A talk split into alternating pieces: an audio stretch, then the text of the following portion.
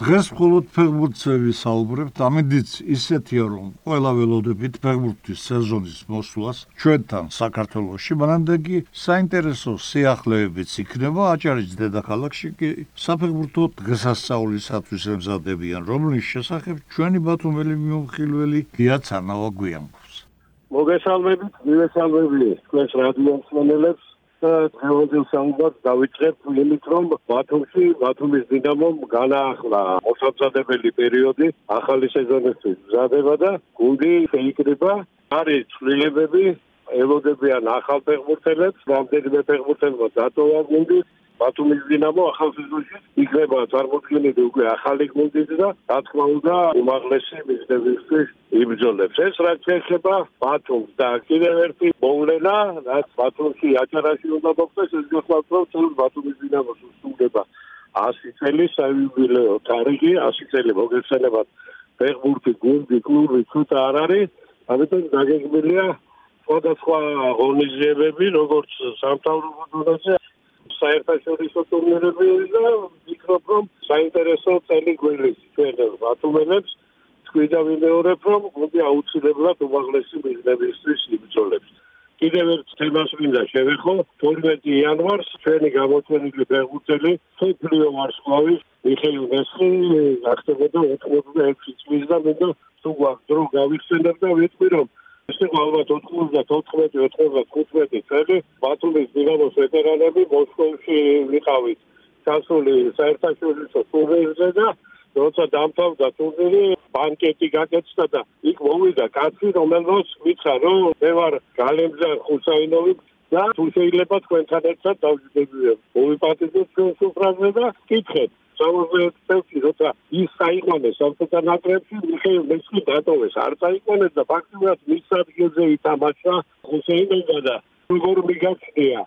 ეს გადაწყვეტილება მაშინ სწორი იყო რამდენად ძლიერი იყავი შენ იმ მომენტში მისამეზღვე რომ შენ მოგიწია თამაში და მისას არამეც და გაეციდა და მე კი არა ძლიერი მისაზე მისაზე ძლიერი იმ დროს სუპლიოში არავინ იყო. აი ეს პასუხი ეს და ეს კიდევ უფრო მოწვავს ამდენად დიდი ფიგურები ქვია ისევე ისაში ევისურები რომ რამაჯერები და ასეთი გამოსახილები ბევრი ყოფილიყო იმ ახალგაზრდა ქართულ ფეხბურთელებზე რომლებიც ჩვენ გვემეტებიან სულ ეს იყო რაც მინდოდა მეთქვა.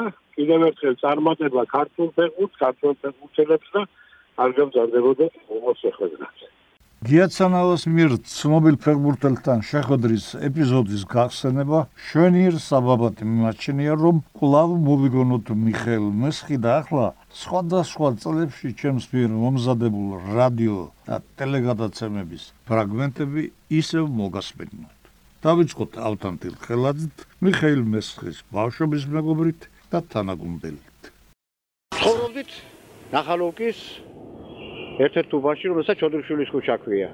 მე ზაურკალოევი და მიშა მესხი. თამაშობდით იქვე ხევი იყო და იქ ფეხბურთის პატარა ქვით ქონდა გოლები გაკეთებული და იქ თამაშობდით. ზაური ჩვენზე უფროსი იყო 4 წლით, ის ადრე წავიდა 35 სკოლაში და მე ხა ჩვენ ხო გვიყურებდა. ნუ მიშა მაგრამ თამაშობდა მეც არავუშავს. და ვითხარ რომ თქვენ ორივე წაგიყვანთ ჩვენო. ცხონებული არჩიკიგნაძე ძალიან მაგარი წვნელი იყო რობერტ ვაცხონოს. მე მიშამ ცოტა აურია და არ დადიოდა ვარჯიშებზე.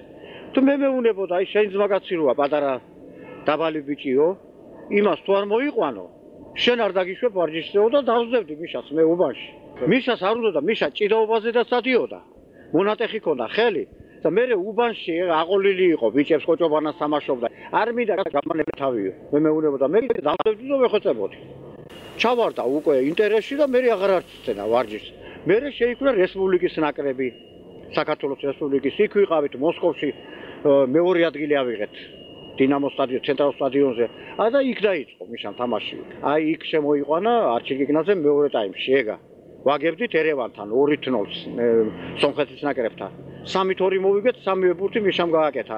მეურტავს და იქიდან დაიწყო მიშამ თამაში. ის მოხდა რომ სწორედ იმ დღეებში მოსკოვში იმყოფებოდნენ ხელოვნების ჩვენი ახალგაზრდა, მაგრამ უკვე ცნობილი წარმომადგენლები მათ შორის გახდათ ელგუ ჯამაშუკველი. რა თქმა უნდა, ეს ჩემი აღმოჩენა არ არის, ეს იცნობდნენ ადრეს მისი მეგობრები, ჩემი კოლეგებიც, მაგრამ მე ვერ დავმალე ჩემი ახტაცება და მას დიდი მომავალი უწინასწარ მეტყობა და მინდოდა რომ ეს ყოფილიყო ფიქსირებული განაც. სახელმწიფო თავი ფურცელი და იქ ჩამოწერე თუ შეიძლება თქვა პროგნოზი მისი. მე წერდი რომ მიხეილ მესკავის არაჩვეულებრივი ტალანტი, რაღაც თავისებური რომ ის არ გავს არავის რომ მალე მოხდება ის თბილისის დინამოს შემოადგენლობაში.